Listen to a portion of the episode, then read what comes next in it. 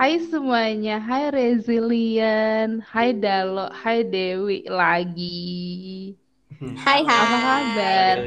Baik. Kakak Dalo Baik. gimana harinya? Cukup baik. Jadi hari ini pembahasannya cukup agak berat Kita dikit. apa, Bang? Anyway, kita bahas apa emang, Dewi? Apa? Eh, kita kita mau ngebahas tentang broken home. Broken home. Oke. Oh, iya. kamu tuh putus home itu oh, bukan ya? Rumah. Bukan, bukan, bukan. Di rumah Pak, putus. Oh, enggak, enggak bisa. Putus, Makanya resilient ini dibentuk supaya teman-teman tahu ya. tapi broken itu rusak, Pak. Kalau putus itu Iya, bapak benar. mungkin. Oh, oh my god. Gue langsung diserang ya. Jadi gue punya satu cerita nih, gengs. Berkaitan sama broken home sebenarnya. Ada beberapa temen gue yang merasa bahwa keluarganya tuh kalau dilihat dari luar sepertinya biasa-biasa aja gitu loh. Lengkap lah, lengkap. Maksudnya tuh ada ada bapak sama ada ibu gitu di rumah gitu. Dan tiap hari di satu rumah yang sama gitu. Tapi dia merasanya bahwa kok gue kayak nggak punya orang tua gitu. Jadi secara emosional dia nggak merasa bahwa ada orang yang membimbing dia. Karena sekarang gue ikut resilient, jadinya gue sempet baca-baca terus kepengaruh juga sama Dewi. Katanya Dewi, kamu itu harus baca dong gitu. Jadi karena karena itu jadinya gue coba buat baca. Nah, dari yang gue tangkap, dari yang gue baca juga di Google gitu beberapa artikel, memang ngejelasinnya broken home itu kalau dulu kan kita bilangnya broken home itu adalah ketika orang tua lo bercerai, pisah rumah gitu. Pisah lah, yang satu di mana, yang satu di mana gitu. Itu namanya broken home. Dan anak yang berdampak atas hal itu namanya broken child. Tapi seiring dengan perkembangannya waktu, kok gue merasa bahwa dari ceritanya teman-teman gue tadi, cerita teman gue tadi, gue merasa bahwa kok ada makna yang berbeda sekarang mengenai si broken home ini gitu. Bahwa nggak selamanya orang tua yang bercerai tuh berarti anaknya tuh broken home gitu. Bisa Yes. jadi anak-anak yang mamanya sama papanya masih ada di rumah, masih lengkap, masih tinggal satu rumah dan satu atap, anaknya juga ngerasanya masih broken home gitu. Kalau kalian berdua ngerasanya gimana? Oke, paling gua dulu ya. Sebetulnya kalau kalian mau tahu para pendengar Mhm. resilience ini adalah permintaan gue untuk ngebahas ini. Karena apa? Based on ceritanya Kamoli ya, memang seiring berjalannya waktu broken home itu bukan masalah perkara kedua orang tua kita cerai lagi sekarang. Seiring berjalannya waktu, makin ke sini keluarga yang mungkin utuh ada bapak, ada ibu, ada anak. Itu bisa aja jadi salah satu keluarga yang broken home. Apalagi nih, sekarang akhir-akhir ini selama masa pandemi juga banyak keluarga yang mulai banyak banget kalau kalian lihat di berita tuh kayak angka perceraian tuh naik drastis loh. Bener. Di mana Mm-mm. oke kan itu pasti sebuah keluarga apalagi kalau sudah mempunyai ket nah itu kan pasti kan berpengaruh ya terhadap kehidupan anaknya. Kalau gue di sini eh, lebih ngelihatnya sekarang broken home yang ada pada saat ini, pada saat tahun 2022 ini bukan lagi broken home yang dalam pengertian orang tuanya bercerai, bukan lagi itu. Memang kalau kita bisa artiin ke dalam bahasa Indonesia, broken home itu definisinya itu kan keluarga tak utuh atau rumah tangga yang berantakan dalam artian orang tuanya itu bercerai.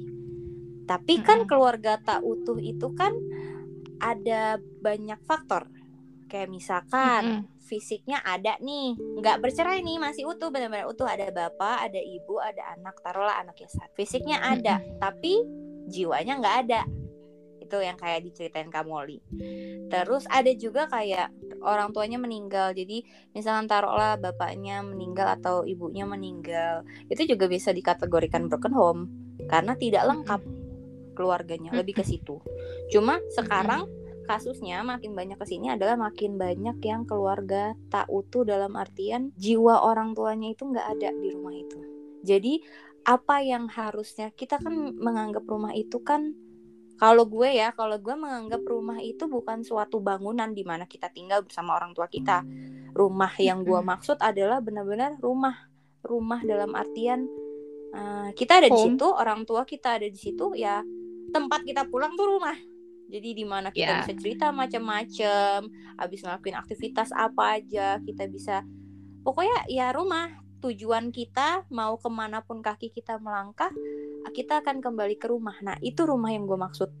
Sedangkan sekarang rata-rata rumahnya itu home-nya itu adalah hanya bangunan. Seperti itu. Makanya lebih banyak kasus broken home sih sebetulnya sekarang menurut gue. Broken home dalam artian rumah sebagai bangunan ya Kakak Dalo. Jadi intinya bisa dibilang yang tadinya orang-orang menganggap broken home adalah perpisahan, tapi sebenarnya broken home yang paling tepat adalah ketiadaan, ketiadaan dan kehampaan sebenarnya. Justru itu yang paling sakit. Ada tapi nggak mm, bisa dirasa. Itu yang paling ngejelemet dalam pikiran dan hati, Bo. Yes. Betul sekali. Hmm, ada tapi nggak dirasa. Bokap gue masih ada nyokap gue masih mm -hmm. ada tapi yang gue rasa bukan bukan kehar keharmonisan ketidakutuhan jadi sebenarnya yang brok itu bukan orang yang selalu kayak macam oke okay, kelengkapan memang dibutuhkan tapi kehadiran lah yang paling benar sebenarnya yes. lu boleh ada di situ sosok lu di situ tapi lu hadir jiwa lu waktu lu emosi lu sama aja mm -mm. anggap aja lu tinggal mm -mm. di rumah pernah nggak ngerasain kalau misalnya kalian sudah pulang kerja capek lu mah kendaraan lu lu mau tidur tapi lu lewat di kamar orang tua lu yang sunyi senyap atau mungkin tidak menyambut kehadiran lu atau mungkin pagi-pagi yang seharusnya lu mengharap harmonisnya greeting morning kayak morning hello hello Helna kamu mau kerja? Hati-hati di jalan. Itu kalian nggak dapetin itu sudah bagian dari bro yes. hmm. kita nggak tahu semalam apa yang terjadi perang dunia apa yang terjadi antara orang tua kita atau anggota keluarga like tapi kita dampaknya ke karir rezeki mood kita sepanjang hari. Karena pernah ada nenek gue bilang almarhum dia bilang gini rezeki itu dimulai dari kamu berangkat dari rumah dan kembali ke rumah kayak gitu. Iya, kalau tadi berarti kan ada beberapa banyak definisi ya, termasuk ketika orang tuanya meninggal berarti juga akan mengalami broken home karena kan ada satu orang yang mempunyai dua peran dan itu it's challenging sebenarnya gitu. Rumah tangga tuh kayak ini ya, kayak meja dan kursi ya. Karena kan meja sama kursi itu kan kakinya ada empat. Kalau kakinya hilang satu kan Sa jadi oleng gitu kan, jomplang gitu. Iya. Jomplang, benar. Jadi kalau diibaratkan mungkin teman-teman yang masih bingung broken home itu kayak gimana, diibaratkan kayak kursi dan meja yang punya empat kaki tapi eh, kakinya satu hilang. Jadi agak onglek, dia jadi kayak agak agak susah gitu. Kalau mau duduk di situ juga susah kalau mau naruh makanan di meja juga susah gitu. Tapi maksud gue ketika lo punya label nih sebagai anak broken home gitu. Orang-orang sekarang sih udah biasa banget ya kalau misalnya orang tuanya cerai gitu. Kalau di Jakarta sih biasa aja. Gue nggak tahu kalau di luar kota kayak gimana. Mungkin teman-teman mm -hmm. yang ada di luar kota boleh uh, komen komen di Instagramnya kita mengenai hal ini gitu. Karena kalau kita di Jakarta sih udah biasa banget kalau misalnya orang tuanya tuh bercerai. Karena menurut kita ya balik lagi gitu. Kalau gue pribadi ya ngelihatnya ketika orang tua lo bercerai memang sama kayak lo dan pacar lo putus gitu. Ya udah gitu. Kalau menurut gue ya kak karena kita di Jakarta hidupnya memang bisa dibilang pemikirannya lebih luas ya dibanding yeah. sorry tuh saya dibanding orang-orang di daerah apalagi di pedalaman ya kan? Yeah ketika apa ya ada suatu perceraian itu ya udah biasa aja. Tapi menurut gue sama benar kayak yang lu bilang kalau orang tua bercerai ya udah sama aja kayak lu putus dari pacar lo. Yang lebih bahayanya sebetulnya taruhlah orang tua lu gitu ya berantem hebat segala macem kalau belum bisa menemukan solusi dan mereka memutuskan untuk bercerai ya udah itu hak mereka. Kita sebagai anak istilahnya uh, apa ya nggak ngedukung juga sih tentang perceraian tapi kayak udah selesai nggak sih masalahnya? Kayak taruhlah lu tiap hari ngeliatin mereka berantem di depan lu terus ketika bercerai udah kan selesai kan berantem masalah berantem beranteman itu di depan lo seenggaknya lu udah merasa lebih tenang dalam satu poin tenang di rumah. Tapi yang bahayanya adalah ketika orang tua lo nih nggak bercerai masih mempertahankan hubungan pernikahannya. Cuma tiap hari berantem lebih nyesek mana? Lebih nyesek yang kedua kan guys? Apa ya? Ya broken tidak melulu harus hancur broken tidak melulu harus retak. Broken tidak melulu sesuatu yang terpisah. Tapi justru kehadiran yang nggak bisa kita rasain itu yang paling bisa. Jadi kalau kakak Dalo ngelihat lebih nyesekan mana? Sama-sama satu rumah tapi berantem mulu atau cerai? Cerai. Cerai. Menurut gua adalah lebih akan berlarut-larut rumahmu akan menjadi racunmu sendiri. Ketika masalah yang kecil itu diulang-ulang berkali-kali berkali-kali sehingga lu depres. Semuanya berdampak. Mau di lantai atas lantai bawah di ruang tamu semua jadi flat dan itu nggak enak. Lebih baik disudahi supaya nanti kita bisa dari dari awal kalau menurut gue mm -mm. karena perceraian itu bukan jahat kepada pasangan kita tapi bisa jadi perpisahan itu adalah cara kita untuk saling berbenah masing-masing. Iya. -masing mungkin gak jahat sama pasangan ya tapi lebih yang kayak dengan bercerai lo gak jahat kok sama anak lo gitu karena akan jauh lebih baik sebenarnya kalau misalnya setelah bercerai kita punya uh, bisa restart kembali sama yang kayak tadi Dalo bilang bisa restart kembali. Paling penting adalah gimana caranya supaya bisa besarin anak ini menjadi bareng-bareng manusia seutuhnya gitu bareng-bareng. Iya, iya, iya. Mm -mm. Gue lihat memang karena terlalu banyak orang, sorry itu saya ya di teman-teman gue juga pada cerita yang sudah jadi suami istri atau suami istri yang akhirnya punya anak ayah dan ibu. Gue selalu menyarankan, bukan so tahu sih karena gue memang belum nikah, tapi gue sarankan udah harus berpisah kalian berpisahlah karena mungkin berpisah itu bagian dari pengobatan si anak itu sendiri.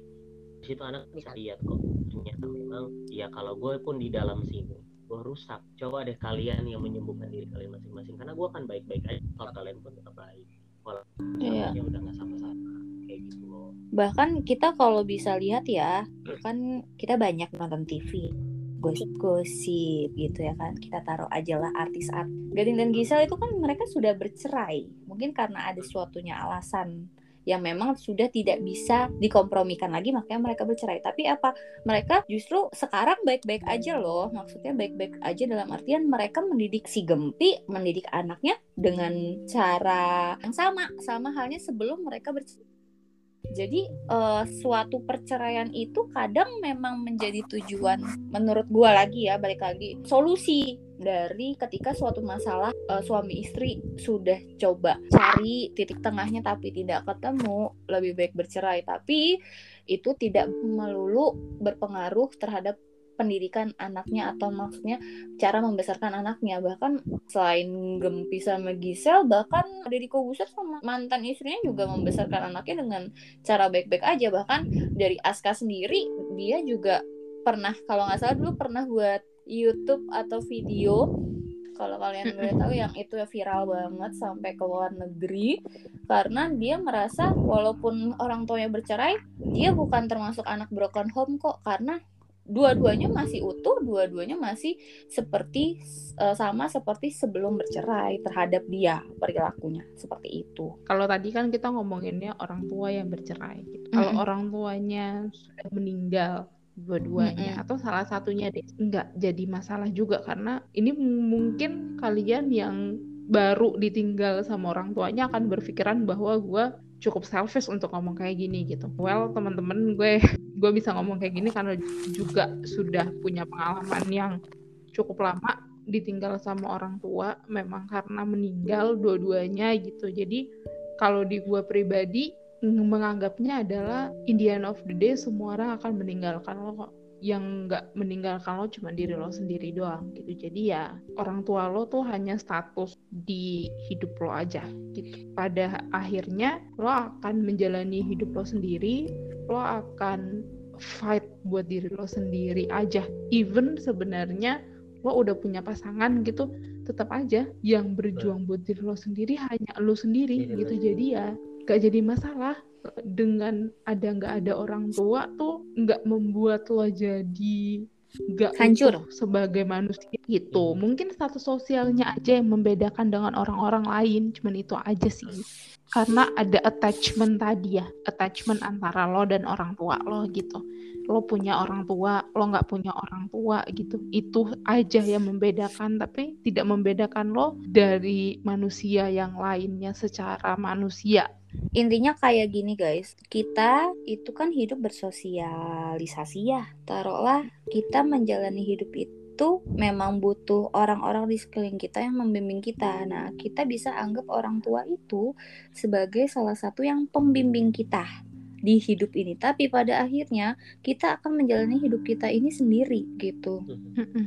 Iya meskipun nanti pada akhirnya kita akan memiliki keluarga juga memiliki suami atau istri bahkan anak pada akhirnya kita manusia itu akan sendiri juga. Yang beneran bisa nyelamatin selain diri kita sendiri itu benar bisa dibilang orang tua itu penuntun dan pendang penuntun dan pembina bukan pendamping iya ya. iya iya penuntun bisa dan dibilang gitu pendamping. Ya nggak penun ya penuntun uh. yang yang membimbing kali ya bisa dibilang. Ya, membimbing tapi dia juga bukan menemani kita juga selamanya gitu. Mm -mm. Dia hanya guidance kita dan orang-orang orang lain juga mungkin dia biologis turunan dari kita atau orang tua kita tapi dia juga bisa jadi guidance di kehidupan lain di fase kehidupan lain. Kita jadi Mm -mm. ketemu orang secara sosial secara natural yang kita nggak tahu host gitu loh yang menurut kita nanti jadi be nice ya benar kayak apa ya ada istilah bahwa be nice please karena kita nggak tahu apa yang sudah dilewati sama setiap orang Ya, kita nggak tahu benar. dia adalah orang yang maps kita di kehidupan lagi yang selanjutnya gitu ya. Mm -mm. keren Mm -mm. Begitu. Sebenarnya kalau secara literatur sendiri tuh ada nggak sih, Wi, secara teorinya gitu, lo mau share teori kah? Paling mungkin gue mau share aja untuk teori ya. Teorinya mungkin kita udah dari tadi udah ngebahas definisi broken home ya sesuai lah dengan teori apa yang kita bahas. Tapi maksudnya biasanya nih yang gue nggak suka sebetulnya dari kehidupan sosial kita juga orang-orang di sekeliling kita yang sesuai dengan teori. Anak-anak yang berasal dari broken home itu biasa cenderung dapat stigmanya negatif. Kayak misalnya ah orang tuanya bercerai nih dari dia umur lima tahun lah atau mungkin sekarang baru bercerai gitu. Pasti ini si A masa depannya hancur pakai narkoba begajulan atau misalkan si A ini misalkan taruhlah bandel gitu kan. Memang bandel aja tau gak sih? Bandelnya anak-anak tuh kan ada yang Iya. usil ada yang memang suka tawuran tapi karena ikut-ikutan doang karena memang itu fasenya mereka. Bisa aja orang lain tuh nah latar belakangnya gitu. Jadi lah kayak balik lagi ke stigma stigma negatif. Bahkan sampai masih itu. Gue di gue tuh emang masih kayak gitu. Banyak banget stigma negatif. Padahal justru nggak semua anak broken home itu seperti itu balik lagi Ngaruh ke ngaruh juga memang Dewi ya, yang ngomong itu Mm-mm. bener banget.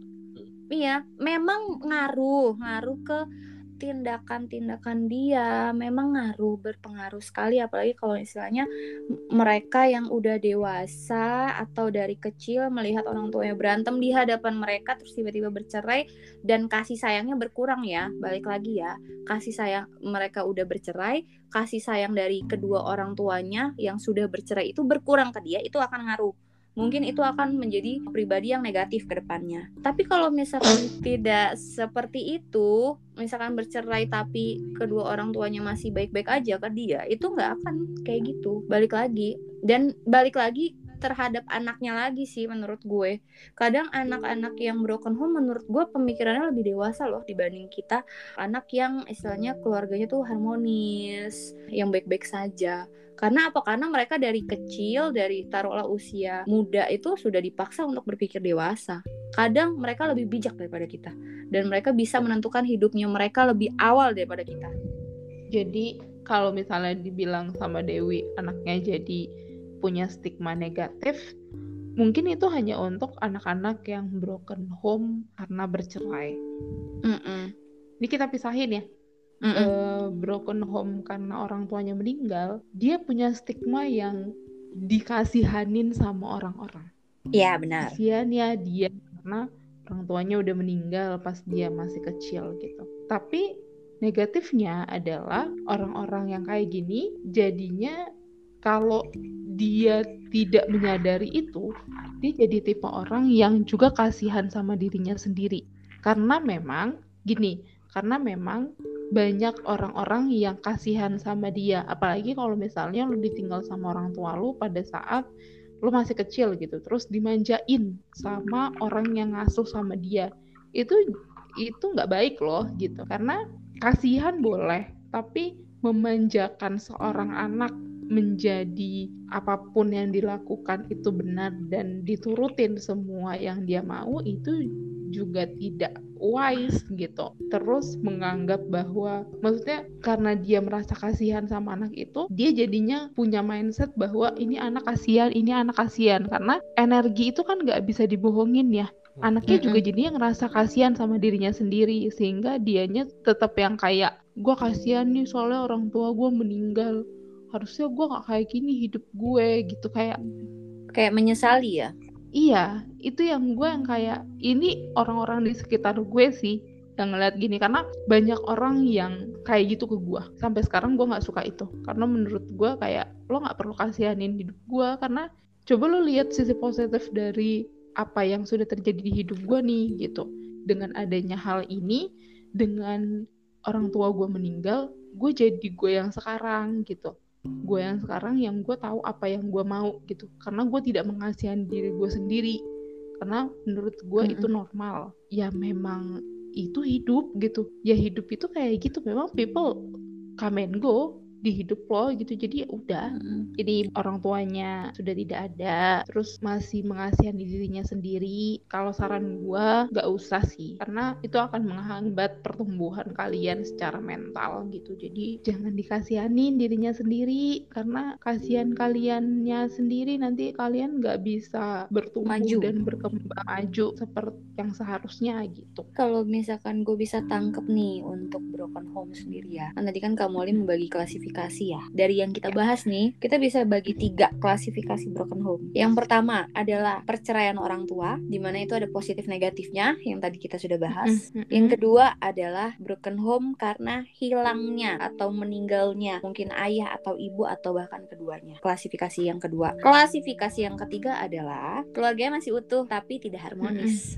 Udah itu. Mm gitu. bisa dibilang itu ya. Gimana kadar lo itu yang paling yang ketiga tadi. Kenapa yang, yang... ketiga kadar lo nah, kenapa kadar lo coba. Dan tapi dirasa.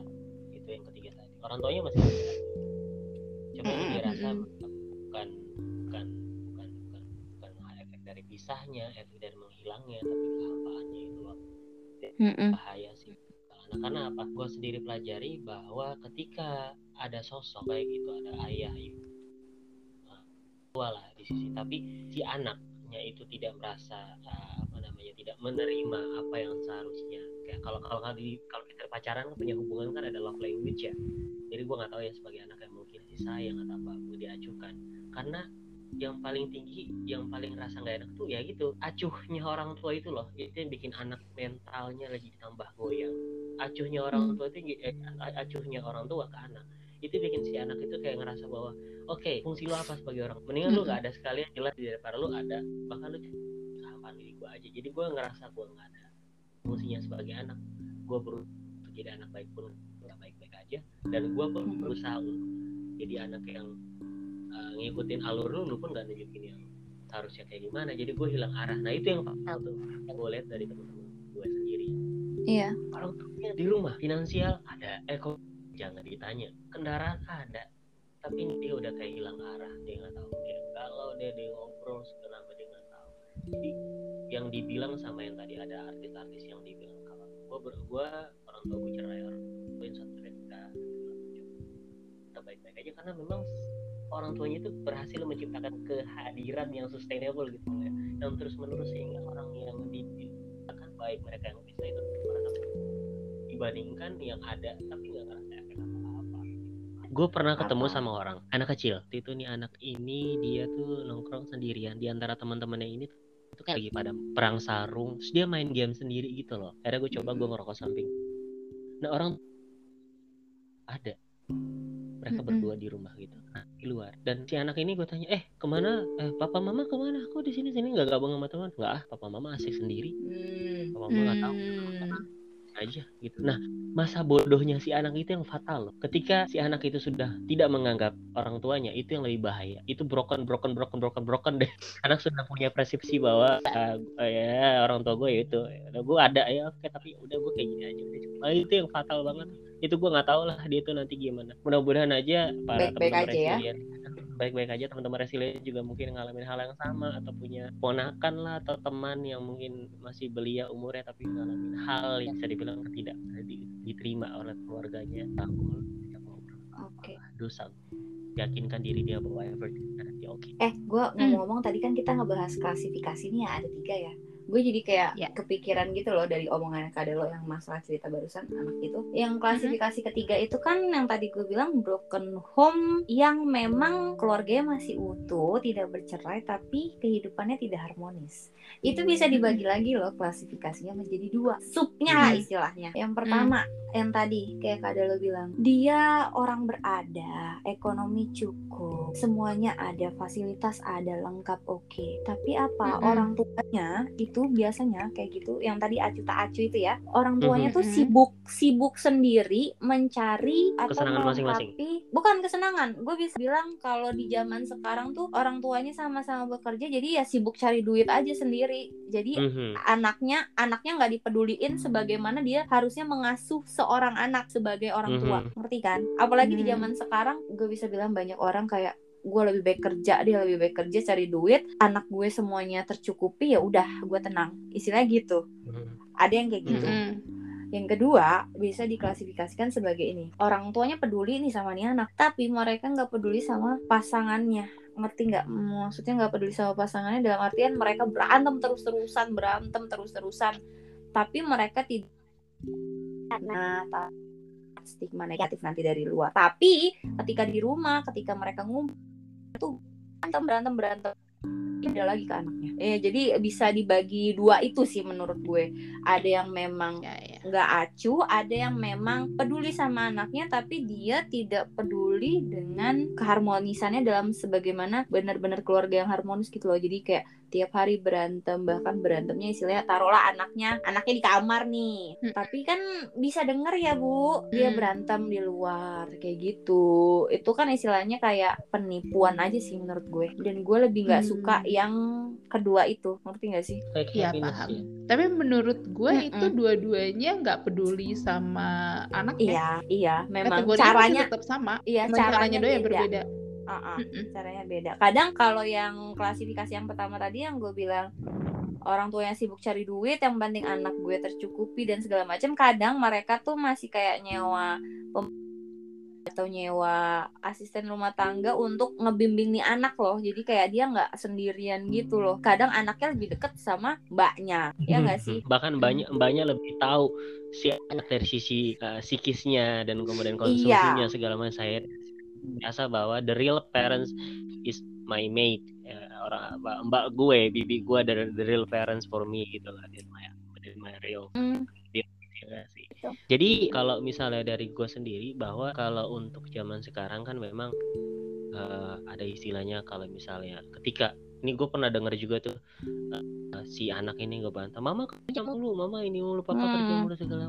Mama juga bilang loh, karena kerja cuma bukan, yang penting kamu makan kan, kamu sekolah kan, hmm, kamu ini. hmm, itulah ada apa ya kayak misleading komunikasi misleading keharmonisan yang seharusnya didapat sama si anak itu bukan itu mungkin tapi si anak ini menganggap ini eh, nggak uh, tahu seperti apa dan akhirnya malah jadi chaos ya nggak sih? Iya. itu malah makin um, akhirnya berlarut-larut sehingga dia nyari penyelamatan sendiri. Karena kan pada dasarnya manusia kan ingin aman manusia kan ingin rasanya lengkap manusia ingin rasanya berhasil secara secara psikologis kita adalah orang-orang yang berjuang untuk tetap uh, stabil dari yang rasa senang baik dari keluarga jadi kayak anak-anak itu kayak kira-kira siapa bisa ngasih jawaban atau apa yang dan akhirnya dipindah ke orang lain dan ketemu dengan bibinya atau mungkin di luar sana. Hmm. Nah kalau di luar sana bener, syukurlah atau mungkin jadi lebih baik. Kalau dia ketemu orang malah jadi makin runyam lagi, aduh itu makin parah. Jadi menjalar. Jadi benar yang tadi nenek gue bilang itu semua tuh berasal dari sudah aman. Kamu keluar pun akan aman terus tentram gitu. Start by our homes and tapi gue juga nggak setuju dengan maksudnya anak-anak yang menyalahkan orang tuanya karena jadinya dia broken home karena ya tadi yeah. gue punya pendapat bahwa semuanya tuh harusnya balik lagi ke elunya gitu lo mau dianggap seperti apa ya namanya orang tua kadang juga dia aja nikah aja dia nggak tahu kenapa dia harus nikah. Dia aja nggak tahu kenapa dia harus mau punya anak. Nggak banyak orang yang sadar mengenai itu. Pas berbuat sih sadar. Pas udah jadi. Nah bingung, bingung tuh. Nggak ada arah ya. Mau diapain ini anak? Nah jadinya ya begitu. Tapi kita sebagai anak juga kita nggak bisa menyalahkan itu. Karena balik lagi mereka tuh manusia yang dia aja nggak tahu kenapa dia harus nikah, kenapa dia harus mau punya anak, kenapa dia harus kayak gini, gimana cara ngebesarin elunya gitu. Dia juga nggak mm -hmm. tahu gitu. Jadi ya, ya memang lo nggak bisa untuk memilih lo harus tinggal di rumah yang mana, harus punya orang tua yang seperti apa. Memang iya, tapi. Lo bisa memilih hidup lo maunya kayak gimana. Itu apa pun mm -hmm. yang dianggap sebuah kewajiban sebagai seorang orang sebagai orang tua, coba lo dibalikin deh posisinya. Lo jadi orang tua dengan background yang kayak tadi, nggak tahu apa yang sebenarnya dia mau, apa segala macem, tapi dia nikah gitu. Coba dibalikin, lo bakalan tahu nggak? Lo bakalan bisa nggak untuk jadi orang tua? Nggak juga kan, gitu loh itu yang gue nggak suka banget tuh dari orang-orang yang menganggap bahwa orang tua tuh harusnya kayak gini. Lo tuh harusnya kayak gini dong jadi orang tua. Coba dibalikin. Lo sebagai anak harusnya kayak gini dong. Kalau dibilang sama orang tuanya kayak gitu gimana? Hmm. nggak hmm. bisa gitu kan. Maksudnya nggak bisa di ketika orang punya attachment sesuatu bahwa dia orang tua dia harus ngelakuin ini. Kalau dia nggak sanggup untuk ngelakuin ini dan lo akan bilang bahwa ya jangan jadi orang tua gitu ya balik lagi dia aja nggak tahu gitu kenapa dia harus jadi orang hmm. tua gitu dilema ya dilematik gitu. ya iya bukan dilematik sih lebih kepada ya memang jalan hidup lo kayak gitu jadi ya diterima aja dan berarti balik lagi ke konsep adalah perfect. ke elunya iya fokusnya adalah kan? ke elu sendiri iya hmm. fokusnya adalah ke orang ke lo sendiri even lo masih punya orang tua juga fokusnya ke diri lo sendiri ya orang tua lo orang tua lo lah gitu lihat lu lu gitu jadi intinya kalau dari omongannya kamu itu kayak gini, bukan kita yang memilih kehidupan keluarga kita seperti apa, tapi kita bisa memilih kehidupan kita mau seperti apa. Ya, ya nggak sih? Karena ya balik lagi ke yang udah gue bilang dari awal, karena kita pada akhirnya di dunia ini yang menyelamatkan diri kehidupan kita.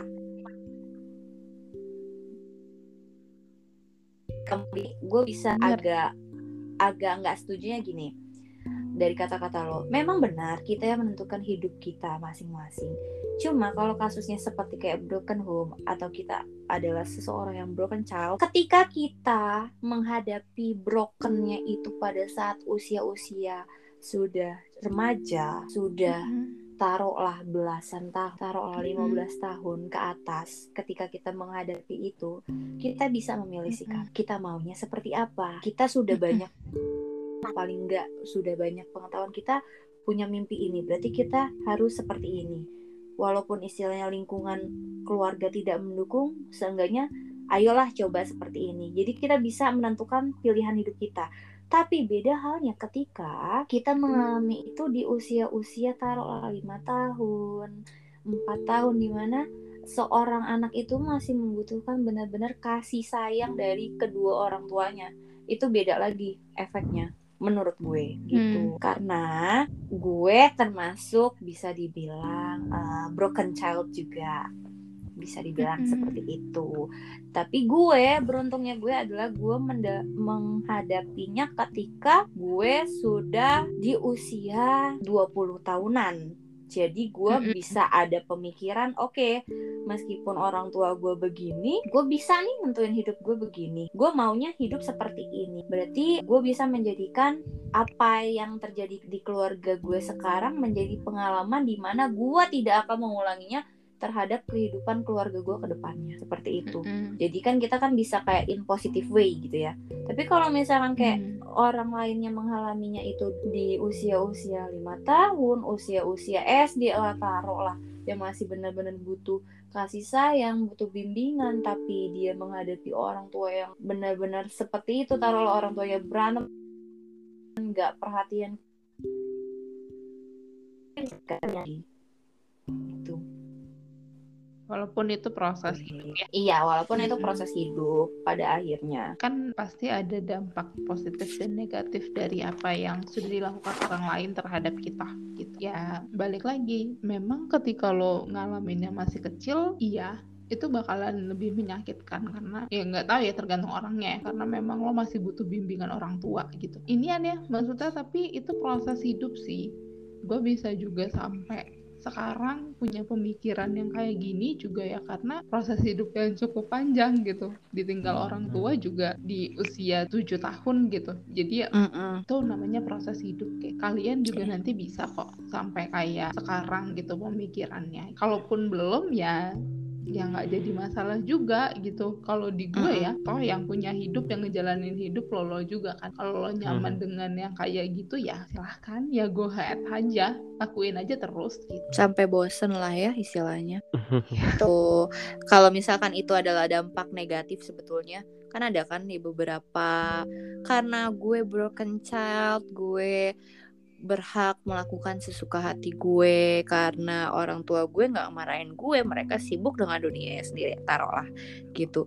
Gue bandel gue free sex or something else gitu kayak narkoba tatoan gitu-gitu ya udah lakuin aja kalau memang menurut lo itu benar sampai lu capek sendiri. Tapi tapi dari omongan kalian berdua tadi itu relate sih sama apa yang ada dalam kayak bisa dibilang pikir gue sendiri. Karena uh, apa pun entah broken home, broken heart, kemudian juga broken child segala macam itu berarti kita hidup di dunia ini penuh ketidaksiapan sih. Semua tidak ada yang benar-benar siap karena semua harus melewati proses itu ready atau enggaknya kita. Kita ngalamin itu yang udah lebih dulu atau bakal nanti. Semoga nanti kita ya semua dihadapin dengan kesiapan yang baik. Percayalah bahwa kalau menurut gua di setiap keputusan yang kita ambil tidak ada yang benar-benar terbaik dari setiap keputusan yang kita mau yang A, B, belok kiri, belok kanan. Tapi percayalah di setiap keputusan yang kita ambil pasti ada kebaikannya. Itu bokap gue sendiri yang bilang itu terjadi ketika gue harus dihadapin uh, saat adik gue didiagnosa bahwa dia harus di Iya. rehab dan statusnya dari autisme Mm-mm. menjadi uh, apa bisa dibilang kayak gejala ODGJ. Jadi bingung harus mengambil langkah seperti apa. Lalu tiba-tiba orang tua gue bilang percayalah bahwa semua tindakan kita tidak benar-benar yang terbaik, tapi percayalah di setiap yang kita ambil ada kebaikannya gitu loh. Jadi buat yang teman-teman resilient yang saat ini pernah atau sudah atau memang sudah melewati masa-masa itu, percayalah ini yang paling baik sudah karena kalian sudah melewati dan sampai sekarang masih hidup. Percayalah juga kalau Tuhan memberikan kalian ujian, meskipun ujiannya seperti yang sekarang ini, berarti Tuhan tahu kalian mampu melewatinya. Mhm, Betul. Ya buat teman-teman yang statusnya sesuai dengan judul kita sekarang malah jadi ketawa, malah merasa bahwa malah ketawa gitu kan lebih kayak ah gitu. Ini orang dia nyeritain apa yang gua rasain nih gitu. ketawa karena menurut dia kayak lah gue kayak gini nih sekarang gitu. Gue Iya, masih kayak gini nih gitu. Wah, Boleh real ini, ngetawain diri sendiri. Sebenarnya kita juga inian sih ini udah malam juga kan kita nyeritain tentang broken home gitu. Tapi yang gue agak sedikit tergelitik dengan orang-orang sekarang yang terlalu bilangnya apa ya ada positif dan negatifnya sih. Ketika terlalu overshare bahwa mereka tuh broken home.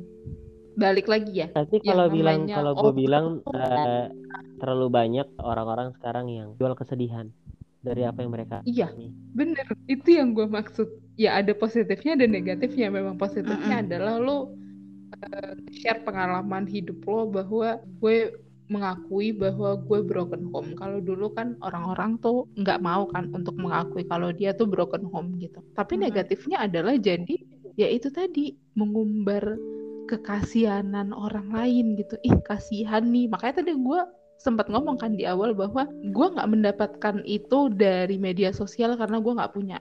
Tapi gue mendapatkan itu dari orang-orang sekitar gue yang real gitu yang tahu cerita gue kayak gimana. Mereka menganggap gue tuh kasihan gitu. Itu kan jadinya kan balik lagi ke mental lo gitu loh men menurut gue kayak mental iya. ngasihanin diri lo sendiri terus gitu. Jadinya kan lo nggak berkembang. Kalau menurut gue ya kadang memang karena Kamoli kan nggak media sosial ya apalagi Instagram kan tidak ada guys. Kalian harus tahu. Jadi kalian mencari di mana pun tidak akan ada nama dia. Kalau gue bisa bisa bilang gini nggak usah masalah kayak masalah broken home atau I'm a broken child no. Tapi kayak lebih ke menurut gue untuk lo cerita experience lo kayak hari ini gue sedih nih gue ini ini ini. Ke media sosial itu wajar-wajar aja tapi ketika ya tadi balik lagi sesuatu yang over itu nggak baik. Tapi kebanyakan memang sekarang itu terlalu over ya orang-orang di media sosial gue bisa bilang. Over mengekspresikan kesenangannya over mengekspresikan kesedihannya. Jadi gue kayak ngeliat iya apa banget sih? Maksud gue kalau lo memang mau mengekspresikan oke okay, boleh sekali dua kali. Guys. Karena kadang kita nggak apa-apa tapi menurut orang lain tuh enggak ngerti nggak? Memang kadang yeah. ada beberapa ada beberapa yang kayak mengekspresikan kesedihan yang terlalu over di media sosial karena taruhlah mereka nggak punya teman cerita jadi mereka meluapkan ceritanya di media sosial. Tapi menurut gue itu juga nggak layak dilakukan juga. Karena kadang secara nggak langsung lo kayak ngumbar aib lu juga nggak sih? Gitu. Tapi kalau itu baik-baik aja menurut lo ya ya silakan gitu.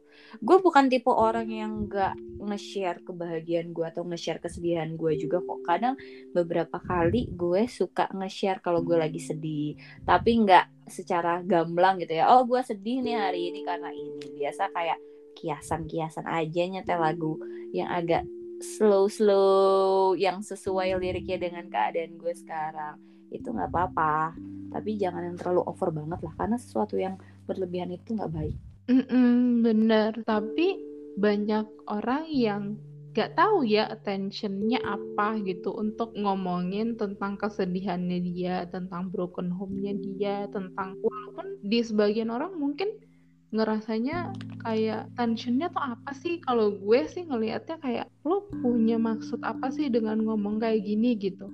Walaupun kita bisa lihat ya dari kata-katanya dia tuh banyak orang yang ngerasa mau dikasihanin gitu tapi kelihatan dari kata-katanya gitu. Kalaupun maksudnya adalah untuk embrace, untuk membuat orang jadi semangat lagi, menurut gue gak apa-apa banget gitu. Tapi yang namanya media sosial tuh nggak cuman buat lu doang.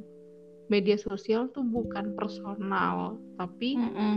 ibaratnya lu kayak ngomong ke semua orang public space gitu loh jadi coba dilihat lagi apa yang ditulis, apa yang mau di-share ke orang-orang, ditelaah lagi gitu loh yang di-share apa gitu. Karena akan menjadi tanggung jawab lo sebenarnya ketika lo men-share hal-hal yang sebenarnya nggak patut untuk di-share gitu. Yes betul banget. Karena media sosial, internet terutama mereka ngerekam jejak kita loh guys even kita udah hapus tapi kan kita nggak tahu teman kita ada yang nge-capture mungkin. Dan suatu saat bom. plastik buat diri kita sendiri nggak ada yang tahu ke depannya gimana. Kalau misalkan taruhlah kita balik lagi ya ke taruhlah broken child ya atau broken home ini. Mm -mm. kalau memang kalian tidak ada teman cerita kalian bingung ya udah cari ke orang apa ya bisa dibilang kalian Psikolog. bingung.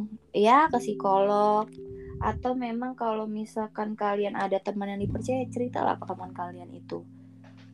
Jadi biar Atau- istilah kalian lebih lega lagi. Atau apa kamu li atau nulis.